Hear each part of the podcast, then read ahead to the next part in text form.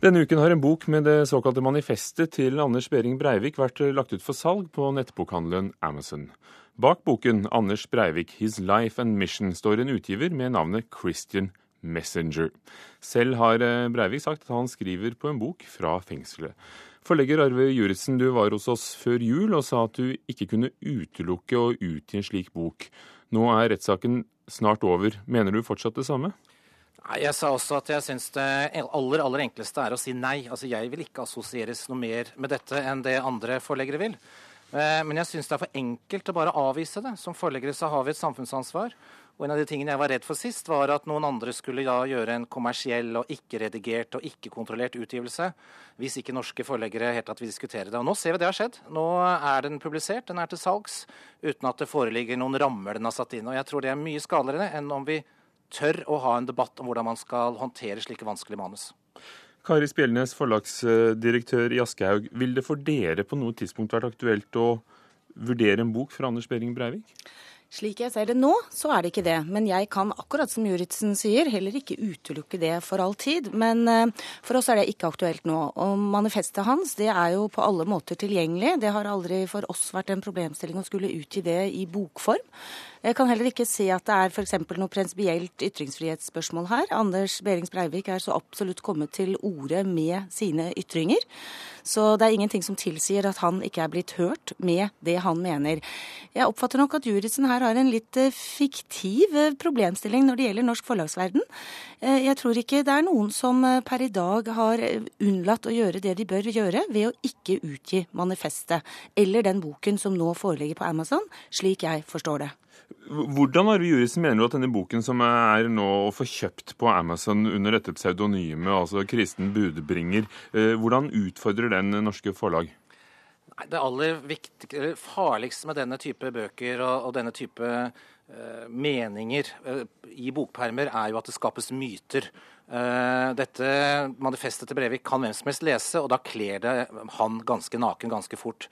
Når det nå pakkes inn og gjøres som noe man ikke vil røre, og noe man ikke tør å snakke om, så blir det myter, og det er det aller farligste, og det må vi unngå. Og det, klart, og det er klart, at bokbransjen får nå en tøff utfordring når Brevik snart tror jeg, og forstår jeg, kommer til å ha en bok han ønsker å publisere. Kari Spjelnes. Ja, I øyeblikket så kan ikke jeg se at denne utgivelsen som ut, en eller annen Christian Messenger står for, er noe mer mytedannende enn alt det Breivik selv har eh, stått for i offentligheten, om eh, man kan si det slik. Hva som måtte komme, er jo veldig vanskelig å ta stilling til. Og som jeg antar både Juritzen og jeg er enig i, så kan vi ikke vurdere noen verk før de foreligger. Manifestet til Breivik f.eks. slik det foreligger nå, det er jo først og fremst også et kompilarium av veldig mange andres tekster. Eh, de tekstene vi i Aschehoug f.eks. skulle måtte ønske å utgi av enhver forfatter, skal jo være gode tekster, fortrinnsvis skrevet av forfatteren selv. For, for dere har jo utgitt uh, bøker av kriminelle før, i hvert fall uh, dømte. 'Fanget og fri' av Kristin Kirkemo Haukeland, den som er dømt for medvirkning til overlagt drap i Orderud-saken. Det er helt riktig. Vi og Hvilke har... overveielser uh, var det dere gjorde da? Jeg kan ikke personlig redegjøre for det idet jeg ikke jobbet i forlaget akkurat da, men vi har jo også andre tilsvarende utgivelser på våre lister fra nyere tid. Eh, det handler jo om at hvis det er gode bøker som kommer med beretninger fra innsiden av en sak eller saksforhold, som redegjør for hvordan personer har tenkt å handle, som vi mener at det er riktig å komme frem, så kan vi gjerne stå for de utgivelsene, selv om det er personer som er dømt og måtte ha sonet sin straff, eller er underveis med det. Så prinsipielt ville ikke dette vært forskjellig? Prinsipielt er dette ikke forskjellig. Eh, Arve Juritzen, i dag har vi hørt at aktoratet har eh, nedlagt påstand om at Breivik er utilregnelig. Og nå er det opp til da retten å avgjøre dette. Hva ville det fått å si for, for ansvaret en forlegger har ved en bokutgivelse? Ja, Hvis retten nå bestemmer seg for at han er utilregnelig, så er det klart at det gjør ansvaret og jobben til forleggere mye verre. Eh, jeg liker jo å skule til Vær varsom-plakaten, som jeg kjenner som journalist. Og det er klart at utilregnelige personer eh, må behandles på en helt annen måte. Så jeg syns det gjør både hele denne saken og eventuelt hva han måtte skrive, vanskeligere å forholde seg til. Det blir ikke så tydelig lenger. Kari Spjelnes? Ja, slik jeg ser det, så er det på en måte veldig hypotetisk det vi diskuterer her når det gjelder eventuelle fremtidige manuskripter fra Breivik. I øyeblikket kan Men jeg det, slå fast det er jo at ikke mer hypotetisk at han sier at han pønsker på det. Ja, Eh, det er mange som og dette spørsmålet er oppe i dagen i disse dager. Ja da, men i øyeblikket, vi skal i hvert fall ikke utgi noen bok av Anders Behring Breivik nå. Det er ikke en aktuell problemstilling. Hva som vil skje i fremtiden må vi komme tilbake til.